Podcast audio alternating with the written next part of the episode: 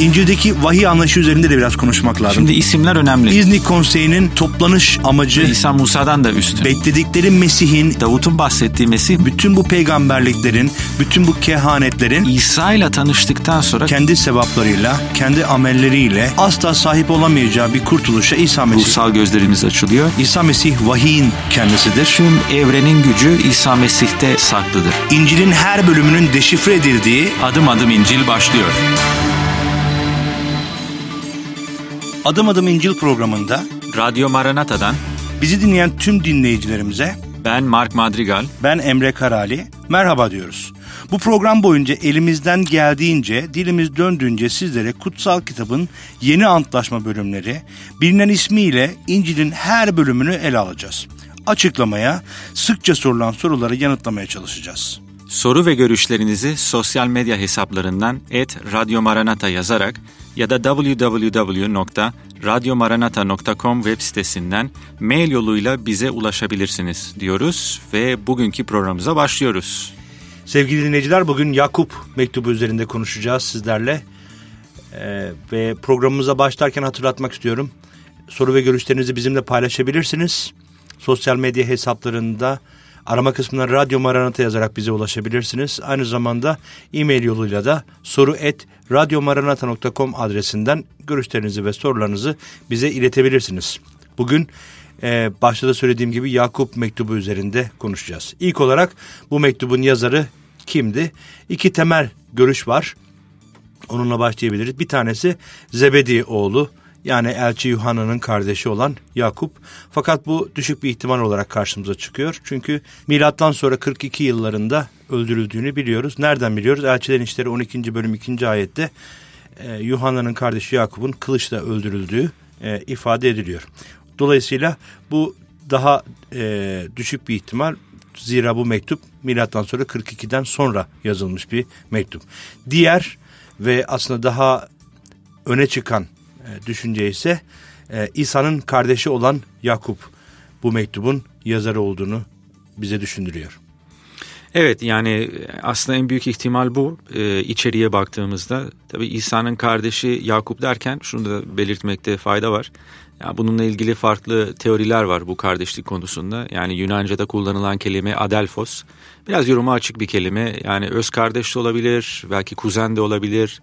E, mezhepsel olarak da bazen e, farklı yorum ekoller de, ekolleri de var. Örneğin e, Katolik mezhebine göre e, aslında İsa'nın kuzenidir. Hani buradaki kardeş kelimesi kuzen anlamına kullanılıyordur. E, özellikle müjdelerde gördüğümüz ifadeler.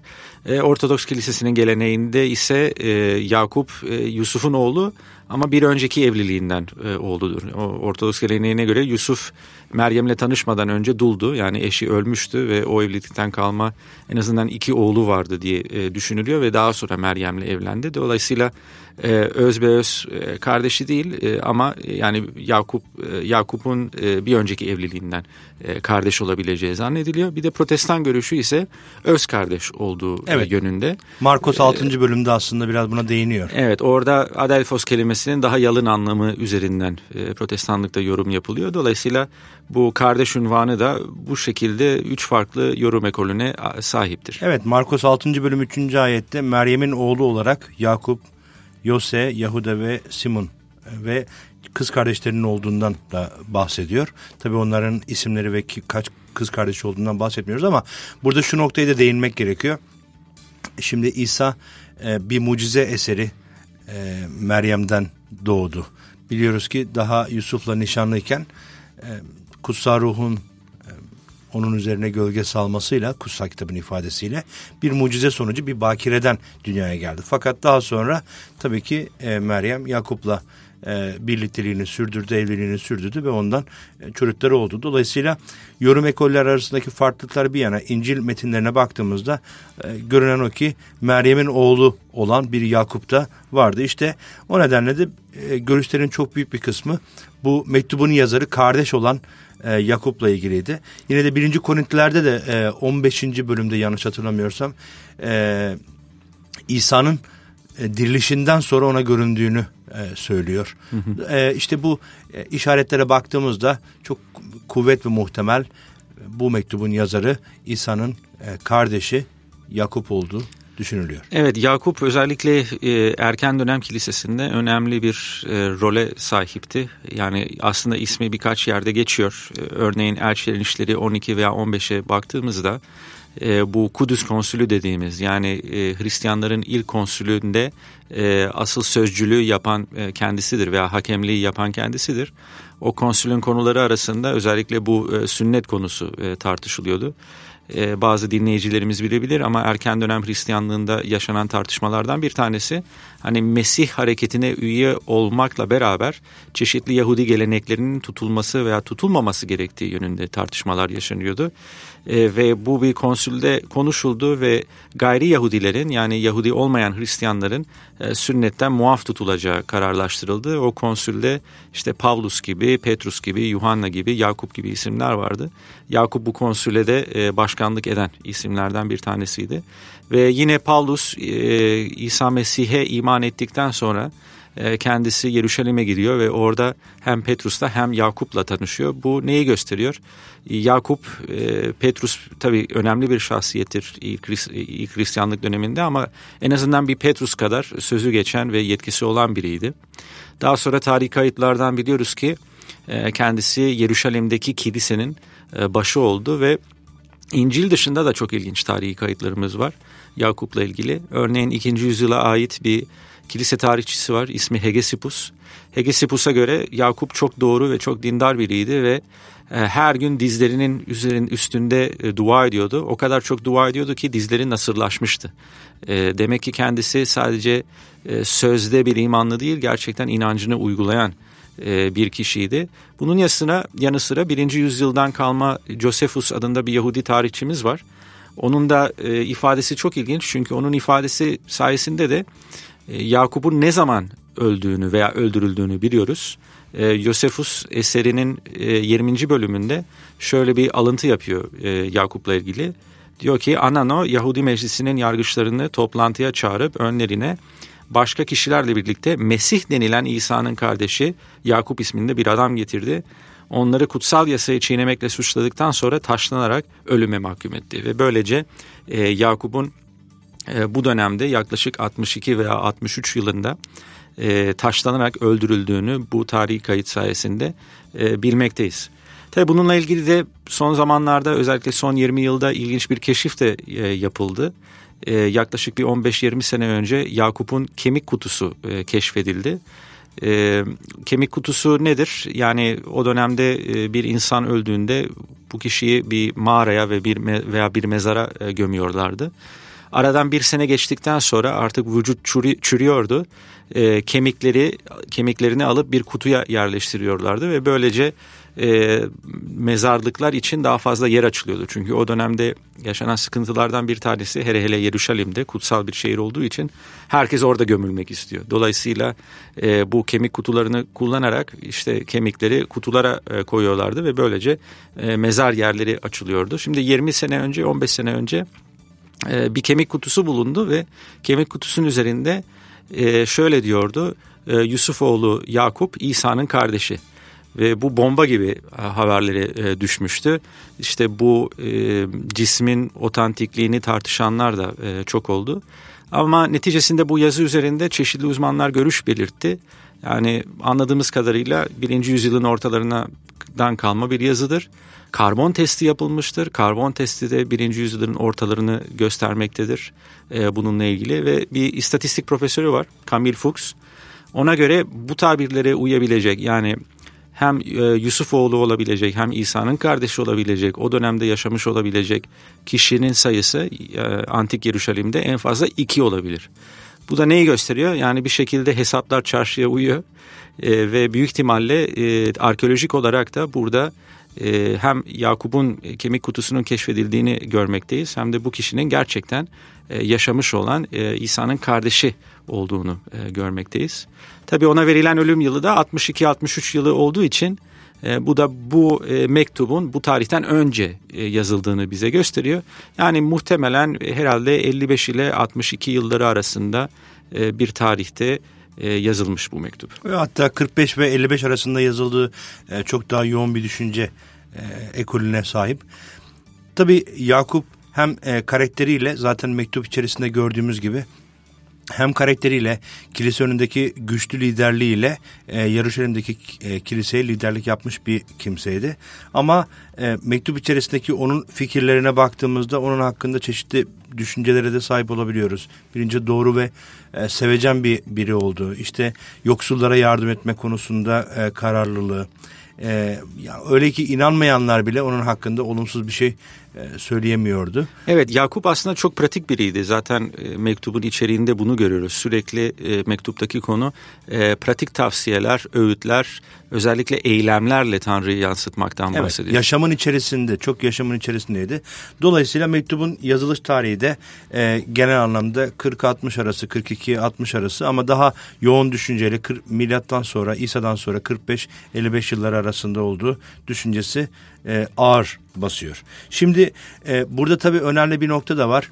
E, bu mektubun e, yazım karakteri e, üzerinde de konuşmak gerekiyor. Çünkü e, İncil metinleri içerisinde yoğunlukla e, Pavlus'un yazdığı mektuplar görüyoruz. Pavlus'un yazdığı mektuplarda da çeşitli ana karakterler e, vardır, ana noktalar vardır. Fakat Yakup e, çeşitli noktalarda buradan burada bir ayrım e, gösterdiğini de görüyoruz. Evet yani aslında burada özellikle yani Pavlus'un mektuplarını örnek alacak olursak bu mektuplar ile örneğin bir Yakup veya bir Petrus mektubu arasında e, en büyük fark şuradan kaynaklanıyor. Farklı kitlere hitap ediyorlar. Yani genellikle Pavlus'un mektupları daha çok batılı e, Helen düşüncesiyle düşünen kişilere hitap ettiği için bir farklı yazış dilişi görüyoruz. Yakup'ta ise genellikle ve sadece Yakup değil e, örneğin e, Yuhanna'da da bunu görüyoruz, Petrus mektuplarında da bunu görüyoruz. Hitap ettiği kitle daha çok bir Yahudi e, diasporasında olan kitle, kitle olduğu için onların da düşünce yapısı farklı. Yani birkaç örnek vermek gerekirse e, Pavlus'un mektuplarında çok fazla dün, düz mantık var. E, çok fazla argüman işte sebep sonuç tarzı anlatımlar e, kullanılıyor.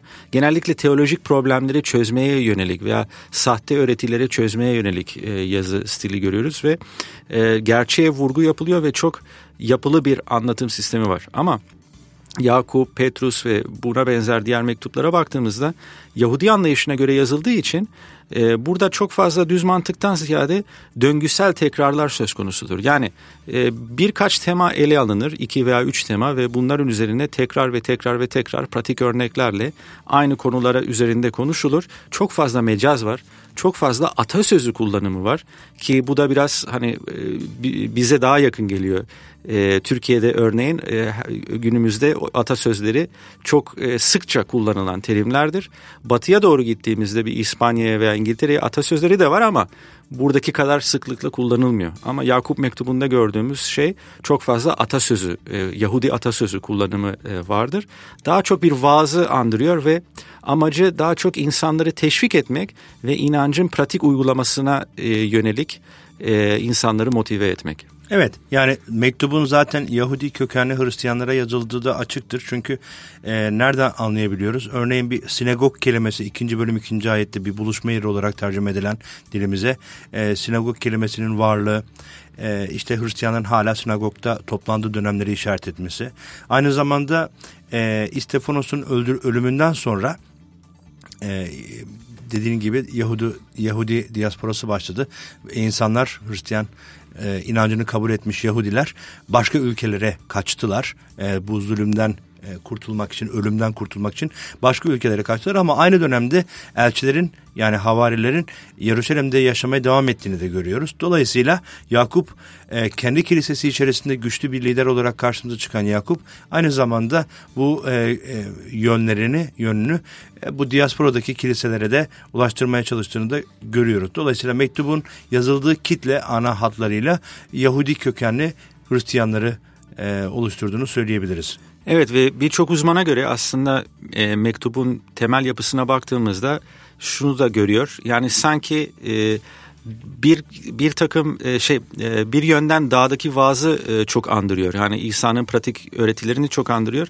Diğer yandan sanki biraz Süleyman'ın özdeyişlerini andırıyor. Yani özellikle bu pratik atasözleri kullanımı açısından ve özellikle Yahudilerin bu pratikliğe vurgu yapmalarının sebebi de biraz kurtuluşu farklı şekilde anlatmaları. Yani Bir Pavlus'a baktığımızda genellikle kendisi kurtuluşu bir aklanma teorisiyle anlatmaktadır. Yani işte İsa Mesih bizim için öldü, işte günahlarımızı itiraf edersek o zaman e, kendisi günahlarımızı e, aklar, o çarmıhı sayesinde bize kefaret olur gibilerinden.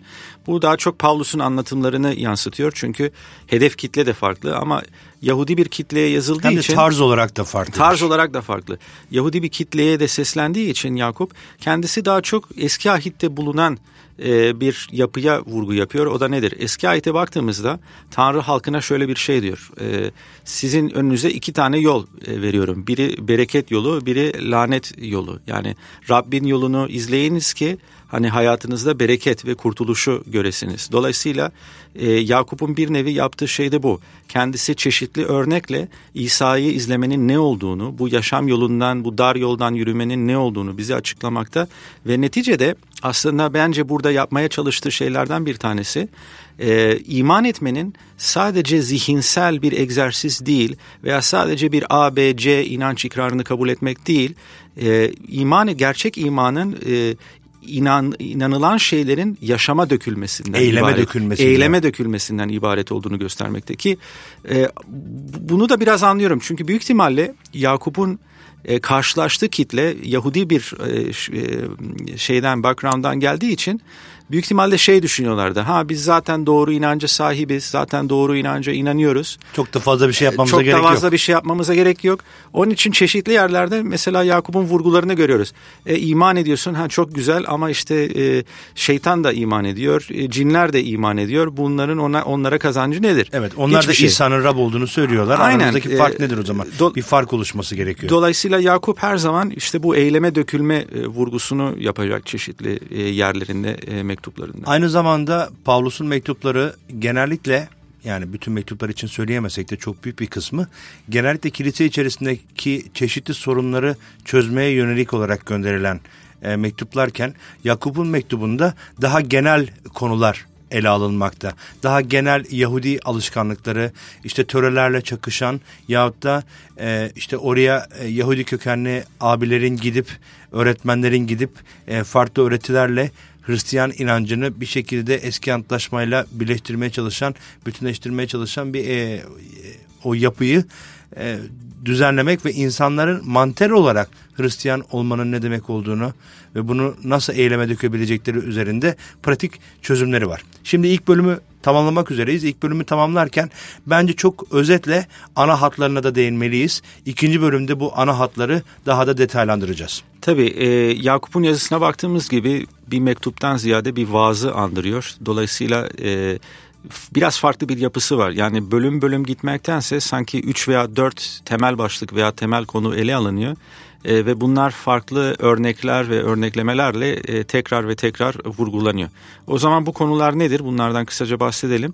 E, birincisi ruhta fakirliğin e, bereketi. Yani tövbekar ve e, alçak gönüllü bir ruhun hayata getireceği bereketiyle ilgili e, konular ve örnekleri değinecek. İkinci konu Tanrı adaleti konusunda e, vurgu yapacak ve bunu farklı örneklerle bize anlatacak. Üçüncü konu e, gerçek sevginin ne olduğu ve bunun hayatımızda nasıl yansıdığını e, gösterecek. Ve dördüncü konu özellikle eylemin e, iman açısından önemi ki zaten buna bir giriş yaptık bir nevi ama daha detaylı bir şekilde onu da ele alacağız. Peki şimdi o zaman ilk bölümü burada bitirelim. İkinci bölümde bunları biraz daha detaylandıracağız ve Yakup mektubunun içerisindeki o değerli öğretişleri hep beraber anlamaya ve kavramaya çalışacağız. İlk bölümü bitirirken hatırlatmak istiyorum. Sosyal medya hesaplarında arama kısmına Radyo Maranata yazarak bize ulaşabilirsiniz. Aynı zamanda soru ve görüşlerinizi e-mail yoluyla da bize ulaştırabilirsiniz. Soru et radyomaranata.com adresi bunun için size yardımcı olacaktır. Kısa bir araya gidiyoruz. Kısa bir aranın ardından Yakup mektubunun gizemlerini daha derin bir şekilde anlamaya çalışacağız. Bizden ayrılmayın lütfen.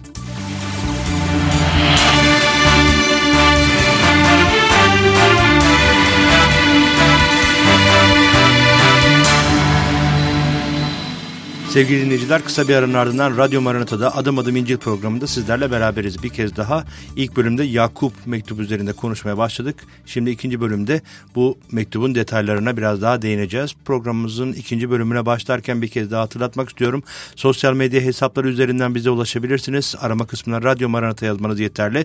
Aynı zamanda soru et radyomaranata.com adresinden soru ve görüşlerinizi bize e-mail yoluyla ulaştırabilirsiniz diyelim ve kaldığımız yerden devam edelim. Şimdi ilk bölümde biraz e, mektubun genel yapısı üzerinde konuştuk ve e, ilk bölümün sonunda ana hatlar üzerinde de konuştuk. Onlardan ilkiyle başlayalım. E, baş, yani ikinci bölümün sonunda da söylediğin gibi bu mektup e, bölüm bölüm e, incelenmesinden ziyade e, çeşitli konulara e, yoğun bir şekilde atıfta bulunup bir şekilde tekrarlanması şeklinde gerçekleşen bir mektup olarak karşımıza çıkıyor. Bir vaaz örneğinde olduğu gibi. Dolayısıyla ilk konuyla başlayalım. Ruhta fakirliğin bereketi demiştin. Evet şimdi ruhta fakirlik derken neyi kastediyoruz? Burada sadece maddi olarak fakirlikten bahsetmiyoruz. Elbette bu da işin içine girebilir ama bu daha çok e, bir tutumla ilgili bir şeydir. Yani gerçekten kendimizi aciz bir kurtarıcıya muhtaç, e, günahkar biri olarak görüyor muyuz? Yani Tanrı'nın önünde kendimizi alçaltıyor muyuz? Tövbeye gerek duyduğumuzu gerçekten görüyor muyuz? Yoksa kendimizi çok mu doğru, çok mu mükemmel e, görüyoruz? Şimdi aslında e, Yakup'ta kullanılan bir kelime var. E, Grekçesi telios, İbranice'de tamim olarak biliyoruz bu kelimeyi ki Türkçedeki tamam kelimesine benziyor. Ve asıl anlamı mükemmelliktir. Yani Yakup'un e, vurgularından bir tanesi şu. E, Tanrı bize mükemmelliğe çağırıyor ama mükemmellik nedir? Mükemmellik kendisiyle bir olmaktır. Ve o mükemmellik nasıl mümkündür? Eğer ki biz Tanrı'nın sözünü dinliyorsak ve uyguluyorsak. Yani olay sadece işte bir vaazı dinlemek veya bir öğretiyi dinlemek değil, bunu uygulamaya sokmak ki kendisi de zaten bunu çeşitli yerlerde vurgulayacak. Yani uygulamanın ne kadar önemli olduğunu. O zaman biz Tanrı sözünü gerçekten uygularsak, öğretilerini pratik bir şekilde uygularsak o zaman o zaman tamim oluyoruz. O zaman tamam oluyoruz. O zaman o mükemmelliğe e, erişiyoruz. Yani mükemmellik kusursuzlukla alakasız. E, mükemmellik Rab'le birleşmek ve Rabbin bizim iste, için istediği hayatı yaşamak aslında bu demektir.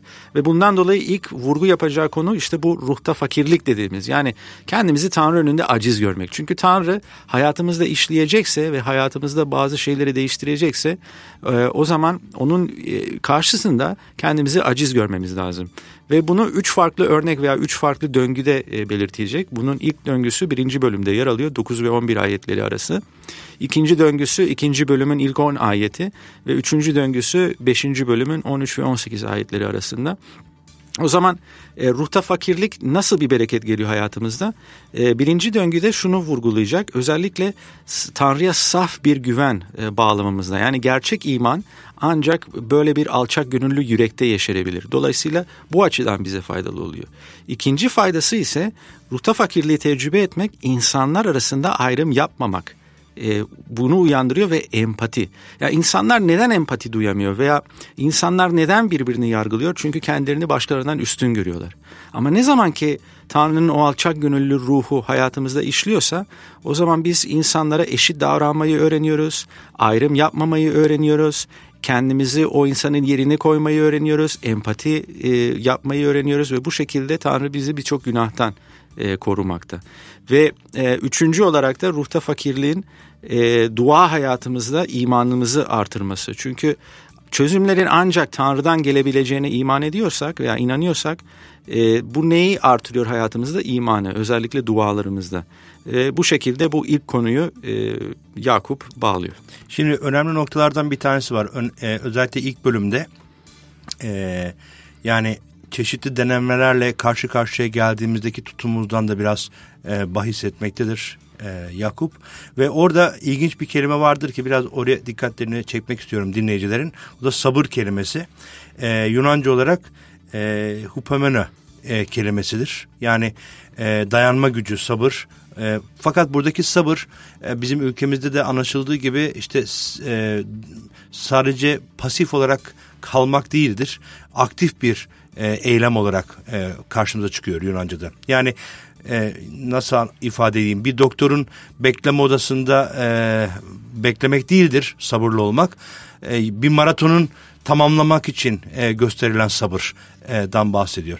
Dolayısıyla bu anlamda e, inananları e, dayanma gücü hiçbir eksiği olmayan dayanma gücüne sahip kişiler olarak tanımlarken e, Pavlus'un bahsettiği o kelime e, çok dikkat çekicidir. Bugün günümüzde de çok önemlidir.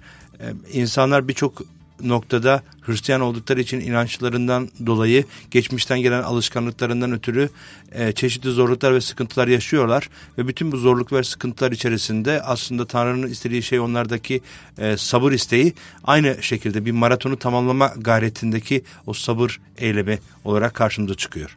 Evet aynen aynen öyle ve e, aslında bu e, maratonu koşabilmenin e, sebeplerinden bir tanesi e, Tanrı'nın bize yardımcı olması ve e, Tanrı korkusuyla beslenmemiz ve aslında şimdi ikinci konuya giriş yapacağız ki evet. bu da biraz Tanrı'nın adaleti ve Tanrı korkusuyla ilgili e, bir konu. Yine çeşitli örneklerle e, bu konuyu örnekleyecek özellikle ikinci bölüm 8-13 ayetler arası, dördüncü bölüm 11-17 ayetler arası ve beşinci bölüm 7 ve 11 ayetler arası Tanrı adaletine vurgu yapacak ve Tanrı'nın taraf tutmadığını İkinci bölümden anladığımız kadarıyla e, bazı kimseler yani onun hitap ettiği kimseler çıkarcı bazı ilişkiler içerisindeydi. E, ve bazen biz de yapıyoruz bunu değil mi? Yani e, kravatlı birisini gördüğümüzde sanki daha fazla saygılı davranıyoruz. E, pijamalı birisini gö- görecek olursak herhalde daha az saygılı davranırdık. Bir, bir nevi bu insan tabiatının parçası. E, ama Tanrı bizi komşumuzu sevmeye yani e, görünüşü ne olursa olsun, maddi durumu ne olursa olsun, ister fakir ister zengin, etnis, e, e etnik durumu ne olursa olsun hiçbir fark gözetmeksizin e, komşumuzu sevmemiz üzerine bizi çağırıyor ve bu sevginin çıkarcı olamayacağını. O zaman Tanrı'nın adil olduğunu hatırlarsak bizi yalancı sevgilerden e, arındırıyor. Çünkü her zaman kişi şunu düşünüyor. Tanrı beni eylemlerimden dolayı yargılayacak. Dolayısıyla benim de o zaman davranışım da çıkarcı bir davranış olamaz. Başka örnekler de var. Özellikle Tanrı'nın bize yargılayacağı gerçeği sürekli bizi başkalarını eleştirmekten kurtarır ve bizi alçak gönüllü alçak gönüllü yapar. Kutsal kitap çeşitli yerlerde ve Yakup'ta da bunu yapıyor. Ee, bunu zikrediyor bize. Yani biz söylediklerimizle yargılanacağız. Dolayısıyla evet, dile çok ciddi dilimize bir vurgu var. çok çok gerçekten hükmetmeliyiz. Çünkü e, dilimiz gerçekten çok e, yani faydalı da olabilir elbette ama çok yıkıcı da olabilir. Ya da evet Yakup'un söylediği gibi ne diyor? E, kötülük dünyası da olabiliyor. Aynen. Dolayısıyla e, yani eğer biz işte dedikodu, yalan veya benzeri şeylere hükmedemiyorsak bütün varlığımız kirleniyor. Bütün varlığımız kirleniyor ama buna karşı nasıl mücadele ede, edebiliriz?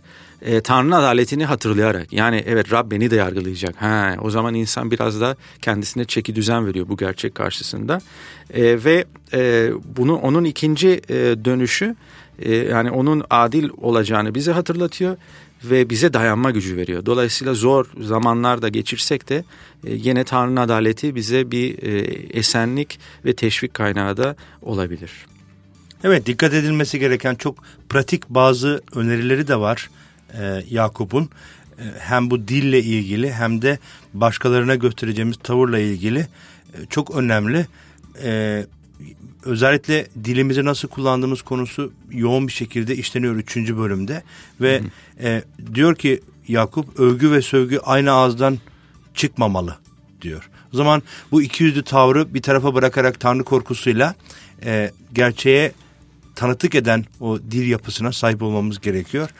Bu da önemli bir nokta olarak karşımızda. Zaten bu da üçüncü konuya bize bağlıyor ki üçüncü konu gerçek sevgiyle ilgili. O zaman evet. aslında İsa'nın da buna benzer sözleri vardı. İsa der ki e, ağız yürekten taşıyanı söyler. O zaman biz sürekli başkaları hakkında kötü konuşuyorsak, e, başkalarını sövüyorsak e, veya e, başkalarının arkasında dedikodu yapıyorsak bu demek oluyor ki yüreğimiz doğru bir yerde değil yüreğimiz hasta ve yüreğimizin şifa bulması lazım. Yüreğimizin tekrardan İsa Mesih'e dönmesi lazım. Evet yani bilgelik olarak bunu tanımlıyor. Yakup bu da aslında eski antlaşmada bir atıftır. Çünkü e, Süleyman Özdeyişlerinde bilgeliğin kaynağının Rab korkusu olduğu defalarca değinilen bir konuydu. E, mektubun yazıldığı kitle de bundan habersiz olmayan bir kitleydi. Dolayısıyla 3. bölümün sonlarında gökten inen bir bilgelikten bahseder Yakup ve bu gökten inen bilgeliğin altında yatan Rab korkusu temeli vardır. Ve insan doğasından ya da cinlerden gelen bilgelikle bunu kıyaslar. O zaman insan doğasından ya da cinlerden gelen bilgelik neyi tetikliyor? Kıskançlık ve bencillik. Bu da neyi oluşturuyor? Karışıklık ve her türlü kötülüğü oluşturuyor. Dolayısıyla e, tanrısal bilgelikle e, insan doğasından ya da cinlerden gelen bilgeliği böyle birbirinden ayırt edebileceğimiz konusunda ve bu anlamda dilimizin ne kadar önemli olduğu konusunda bizi uyarmaktadır. Tabii bütün bu konular aslında son e, vurgu olan bu eylem vurgusuna e, yöneliyor. Yani gerçek iman kendisini e, eylemlerle gösterir veya İsa da bunu e, diyordu. Çeşitli elçiler de bunu dedi. E, meyvelere odaklanmak. Yani bir insanın ne olduğunu bilmek istiyorsak hani ağzından çıkan sözlerden çok onların eylemlerine bakmamız lazım. Gerçekten ruhun meyvelerini e, yansıtıyor mu? E, tabii burada şöyle bir itiraz da gelebilir. Yani çünkü bazı düşüncü, düşünürler de e, veya eleştirmenler de böyle düşünüyor. Yani burada e, Yakup ve Pavlus birbiriyle çelişiyor mu? Hani çünkü Pavlus'un çeşitli yerlerde işte eylemlerden arı bir iman hakkında yazdığını görüyoruz. Ama burada da Yakup'un işte eylem olmadan da imanın ölü olduğunu e, görüyoruz. Aslında bunlar birer çelişki değildir. Çünkü şunu e, gözün önünde bulundurmamız lazım.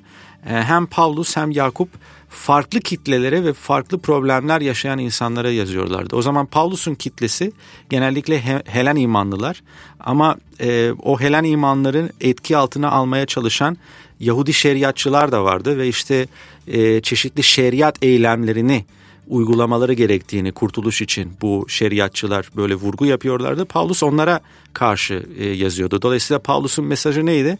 Yok kurtuluş e, yani bir şekilde şeriatı uygulayarak veya kurallara biat ederek sanki Tanrı'ya rüşvet verecesine elde edile, edilebilen bir şey değil.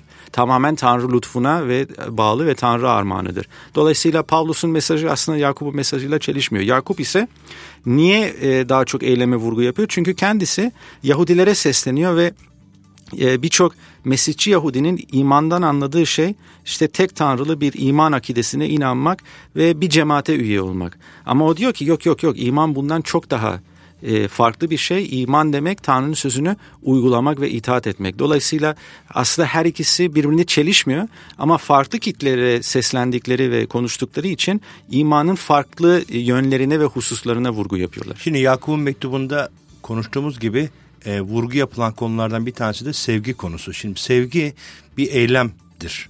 Onu hatırlamak gerekiyor. Fakat buradaki sevgi dünyanın bize öğrettiği gibi karşılıklı bir sevgi değil, karşılıksız bir sevgiden bahseder. Dolayısıyla e, İsa'ya sordular e, buyruklar arasında, şeriat arasında en önemli buyruk Tanrı'nın buyruklar arasında en önemlisi hangisi diye sordular. İsa dedi ki ilk buyruk Tanrı olan Rabbi bütün aklına, bütün canına, bütün gücünle seveceksin. İlkine benzeyen ikinci buyruk da şudur. Bütün bu buyrukları özetleyen komşunu kendin gibi seveceksin. Dolayısıyla e, bu sevgi bağı e, hem Tanrı ile hem insanlarla olan sevgi bağı ikisi birbirinden bağımsız ya da e, farklı değil.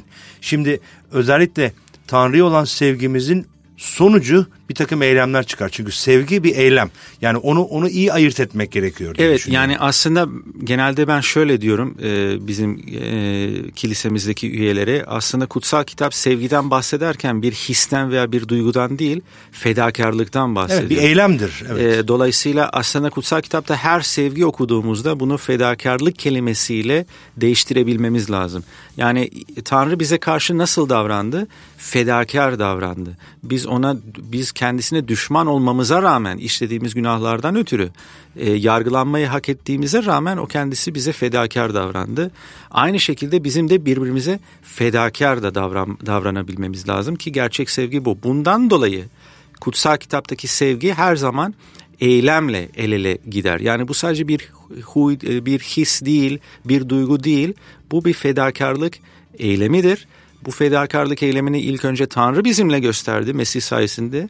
Bu fedakarlık karşısında o zaman bizim de başka insanlara fedakar davranabilmemiz gerekiyordur. Evet yani bunun aksi de vefasızlık olarak karşımıza çıkıyor. Çünkü Yakup buna da değiniyor vefasızlar diye sesleniyor. Çünkü e, Tanrı ile olan bu sevgi ilişkisi İsa tarafından şöyle ifade ediliyor. Diyor ki ben size kul demedim kul efendisine ne yaptığını bilmez. Ben size dost dedim. Dolayısıyla Tanrı ile aramızdaki sevgi ilişkisinin temelini oluşturan şey bu dostluk ilişkisi. Aynı dostluk ilişkisi. Demek ki bu sevgi kavramı diğerleriyle yapmamız gereken bir sevgi kavramı. Dördüncü bölümde e, ey vefasızlar diye başlıyor Yakup ve diyor ki dünya ile dostluğun Tanrı'ya düşmanlık olduğunu bilmiyor musunuz? Dünya ile dost olmak isteyen kendini Tanrı'ya düşman eder. Dolayısıyla dünyanın bizim karşımıza koyduğu durumlarla olaylarla değil de daha çok Tanrı'yı hoşnut etmenin yollarına bakmak gerekiyor. İşte burada hepsinin altında yatan bu temel sevgi kavramı da e, bizim karşımıza çıkıyor. Şimdi burada da işte eylemler ortaya çıkıyor. Çünkü atıyorum e, yani sevgilisi olanlar vardır dinleyicilerimiz arasında annesi babası olanlar vardır ya da çocuğu olanlar vardır e, eşi olanlar vardır özellikle eşi olanlar e, birazcık daha anlayacaktır. Şimdi bir kişi ya seni seviyorum seni seviyorum seni seviyorum diyebilirsin o bir şeydir ama işte at, akşam eve giderken eşine bir demet çiçek alıp işte seni seviyorum dersen ikisi arasında çok büyük bir, bir ya, fark vardır. Onunla vakit geçirirsin, muhabbet edersin. Evet. Ev işlerinde biraz yardımcı olursun. Evet. Bu, bu o sevginin gerçek bir sevgi evet, olduğunu bunu gösterir. eyleme dökülmüş halidir. Dolayısıyla Tanrı ile olan sevgi ilişkimizin eyleme dökülmüş halini Yakup bize burada pratik e, noktalarla ifade etmektedir. O nedenle e, aslında Pavlus'un söylediği e, konularla farklıdır. Pavlus'un bahsettiği eylem konuları daha çok kurban sunarak, tapınakta e, arınarak, e, işte o en kutsal yere girmenin zamanını bekleyerek e, kendimi cennete layık e, Kılmak. kılmaya çalışma eyleminden bahsediyor yani, Paulus. Bir evet, nevi Yakup, rüşvet aslında Evet, bu. Yakup da Yakup da buna karşıdır zaten. Ama Yakup'un bahsettiği o sevgi ilkesinin sonucu olan bir eylem noktasıdır ki bu da bugün bütün Hristiyanların dikkat etmesi gereken temel noktadır. O zaman Yakup gerçekten bizim hayatımıza ilişkin e, çok önemli tespitler yapıyor ve aslında önemli sorular bırakıyor ve e, belki bu soruları sorarak e, yavaş yavaş bu programı sonlandırabiliriz. Çünkü bunlar pratik sorular ve daha çok imanlı kardeşlere yönelik. O zaman kendimizi sorabileceğimiz hani bu yazıyı okuduktan sonra birkaç soru nedir? Öncelikle bizdeki iman ölü bir iman mı yoksa yaşayan bir iman mı? Bu nasıl belli olacak? O zaman kendi kendimizi bakmamız lazım. O eylemler var mı hayatımda? İkincisi e, hayatımızı Tanrı'nın bilgeliği olan Mesih'e mi teslim ediyoruz? E, yoksa e, Mesih'in yolu sadece birer öğüt mü kendi hayatımız için? Çünkü eğer kendimizi gerçekten Mesih'e teslim ediyorsak o zaman Mesih'in örneği bizde görünmesi lazım. Ve üçüncüsü e, gerçek e, bilge yaşantının işaretleri hayatımızda var mı? Veya ruhun meyveleri gerçekten hayatımızda var mı? Çünkü İsa Mesih'i gerçekten iman edip etmememiz olmamız nereden belli olacak? İşte o ruhun meyvelerinin hayatımızda yansıması veya yansımaması. Eğer yansımıyorlarsa demek ki ciddi bir sorun var. Demek ki belki henüz kutsal ruhu almamışızdır. E, İsa Mesih'e dua edip kutsal ruhu lütfen hayatıma gönder diye e, ona feryat etmemiz gerekiyor olabilir. Yani Yakup da zaten mektubunu bu dua konusuyla bitiriyor ve diyor ki içinizden biri sıkıntıda mı dua etsin. E, sevinçli mi ilahi söylesin. Hastaysa kilisenin ihtiyarlarını çağırsın onlar dua etsin, el koyup dua etsin. Ve sonunda diyor ki e, İlyas'ın örneğinde olduğu gibi nasıl gökler yağmura kapandıysa duanın gücü e, hayatımızda birçok şeyin kapanmasına ya da açılmasına aracılık eder. Dolayısıyla bütün bu tanrısal karaktere bürünebilmenin ve onun istediği o sevginin hayatımıza geçerek bunun eyleme dönüşebilmesi için anahtar ve kilit Yakup'un son bölümünde dua olarak bizim karşımıza çıkmaktadır. Bugün dinleyicilerimiz arasında belki kendisinde bu konularda eksik olan, e, eksik görenler de olabilir. Bunun için geç kalınmış değildir. Yapılması gereken tek şey senin de az önce ifade ettiğin gibi dua ederek kutsal ruhu dilemektir. Kutsal ruhun yardımıyla bunun üstesinden gelebilmektir. Evet ve yine Yakup'tan bir ayet diyor ki günahlarınızı birbirinize itiraf edin ve şifa bulacaksınız. Ve şifanın anahtarı budur. Günahımızı itiraf etmek ve kutsal ruhu istemek. Bu olduğunda o zaman hayatımız 180 derece bir dönüş sergiler. Evet bu da bir eylemdir. Karanlıktaki olan ne varsa onu Rabbin ışığına getirmek, Rabbin onu iyileştirmesi için dua etmek çok önemlidir diyelim. Yakup bölümünü de bu şekilde bitirmiş olalım. Efendim e, programımıza katıldığınız için bizimle beraber olduğunuz için teşekkür etmek istiyoruz. Yakup bölümünün sonuna geldik. Ee, bir sonraki programda sizler, tekrar sizlerle beraber olacağız. Fakat programımızı kapatırken hatırlatmak istiyorum. Soru ve görüşleriniz bizim için önemli. Sosyal medya hesaplarında arama kısmına Radyo Maranata yazarak bize ulaşabilir ve sorularınızı, görüşlerinizi bize ulaştırabilirsiniz. Aynı biçimde e-mail yoluyla da bize ulaşabilirsiniz. Soru et radyomaranata.com adresi bu konuda size yardımcı olacaktır diyelim. Ben Emre Karali. Ben Mark Madrigal. Bir sonraki programda görüşmek dileğiyle efendim. Hoşça kalın, esenlikle kalın.